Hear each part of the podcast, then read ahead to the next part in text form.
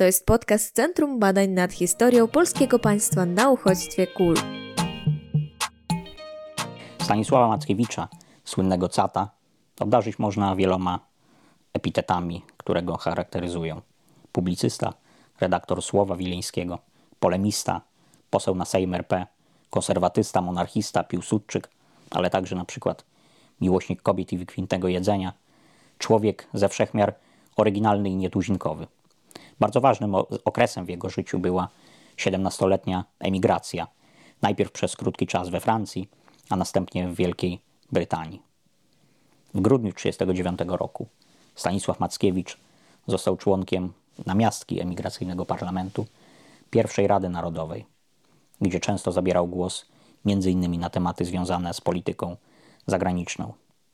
W czerwcu 1940 roku, w obliczu klęski armii francuskiej, Mackiewicz stanął na stanowisku, że rząd RP winien skapitulować przed Niemcami i pozostać we Francji.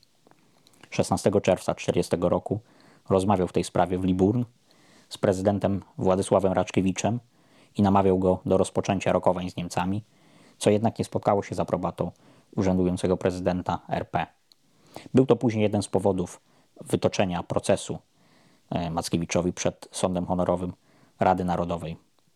W Londynie Mackiewicz szybko stał się przeciwnikiem generała Władysława Sikorskiego i jego rządu, e, a szczególnie krytykował go za zawarcie paktu sikorski-majski, który uznawał za śmiertelne zagrożenie dla Polski, a także nawet Europy i zachodniej cywilizacji, e, oraz umowę, która właściwie nie gwarantuje Polsce zachowania granic potwierdzonych traktatem ryskim w 1921 roku. Zdając sobie sprawę z wagi ziem wschodnich RP i będąc ich niezłomnym obrońcą, przewidywał, iż zajęcie ich będzie jednym z elementów polityki ZSRR, mającej podporządkować mocarstwo, mocarstwu obszar Europy Środkowo-Wschodniej. Po śmierci Sikorskiego Mackiewicz wyrażał brak aprobaty dla rządu pod przewodnictwem ludowca Stanisława Mikołajczyka.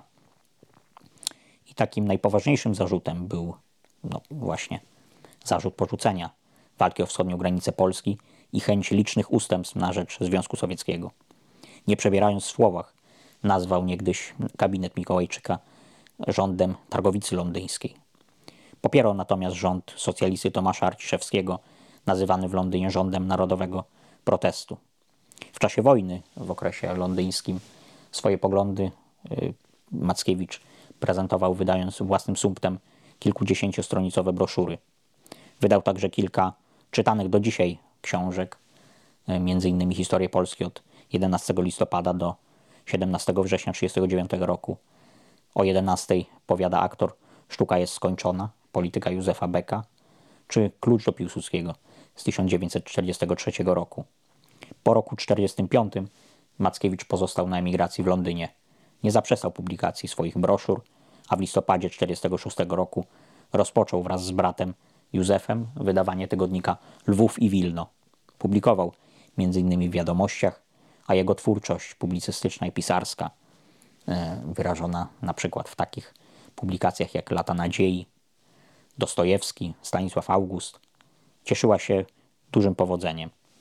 Nadal bronił, również na łamach Lwowa i Wilna, ukazującego się do 1950 roku, przynależności Kresów Wschodnich do Polski. Opowiadał się za legalizmem – wedle Konstytucji Kwietniowej jako uzasadnieniem państwowości polskiej od lipca 1945 roku pozostającej bez uznania Wielkiej Brytanii i Stanów Zjednoczonych. Był aktywnym członkiem emigracyjnego parlamentu, to jest trzeciej i czwartej Rady Narodowej. Po zakończeniu wojny Stanisław Mackiewicz podjął kilkukrotnie starania o nawiązanie kontaktu z przedstawicielami władz Polski Ludowej. Celem ich było wynegocjowanie warunków powrotu do kraju. Podjął te rozmowy, jak się wydaje, coraz silniej, będąc rozczarowanym niemocą polityczną emigracji i jałowością, jak mawiał, sporów w jej łonie. Podczas tych rozmów udzielił wielu cennych dla bezpieki informacji na temat postaci i środowisk polskiej emigracji. 8 czerwca 1954 roku prezydent RP na uchodźstwie August Zaleski powierzył Mackiewiczowi funkcję premiera oraz kierownika Ministerstwa Spraw Zagranicznych.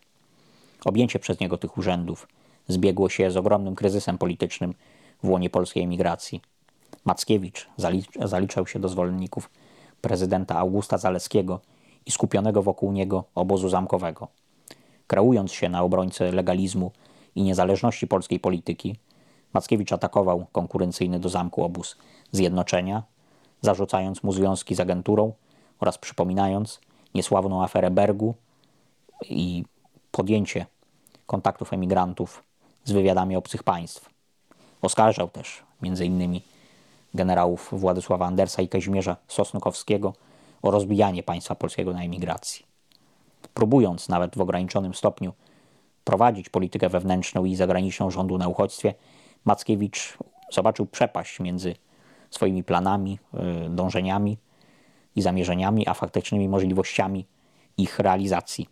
Mackiewicz, mimo że jego gabinet nastawiony był e, prozachodnio, wyraźnie dostrzegał niekorzystną dla Polski koniunkturę międzynarodową. Pod koniec czerwca, skonfliktowany z większością polityków obozu zamkowego, podał rząd do dymisji. Dwa miesiące później, w sierpniu 1955 roku, kolejny raz nawiązał kontakt z, ze służbami PRL-u, a niespełna rok później powrócił do kraju, co spotkało się z potępieniem polskiej emigracji. Zamieszkał w Warszawie, szybko zyskując uznanie i licznych czytelników, publikując w prasie i wydając książki. W pracach takich jak Lądy niższe i Zielone oczy atakował polską emigrację polityczną. Z czasem jej istnienie uznał za zupełnie niepotrzebne.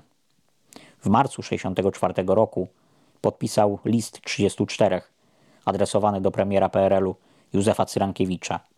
Jesienią zaś 1964 roku rozpoczął współpracę z Jerzym Giedroyciem i paryską kulturą, w której pod pseudonimem Gaston de Cerise zaczął publikować. SB szybko ustaliła dane tajemniczego Gastona i w czerwcu 1965 roku postawiono Mackiewiczowi nawet zarzuty o publikowanie w kulturze artykułów, które zawierają fałszywe wiadomości o PRL.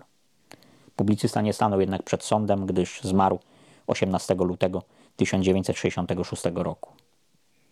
Pełny biogram Stanisława Mackiewicza znajdzie się w pierwszym tomie Słownika Biograficznego Polskiego Państwa na Uchodźstwie, który już za kilka miesięcy ukaże się nakładem wydawnictwa Katolickiego Uniwersytetu Lubelskiego.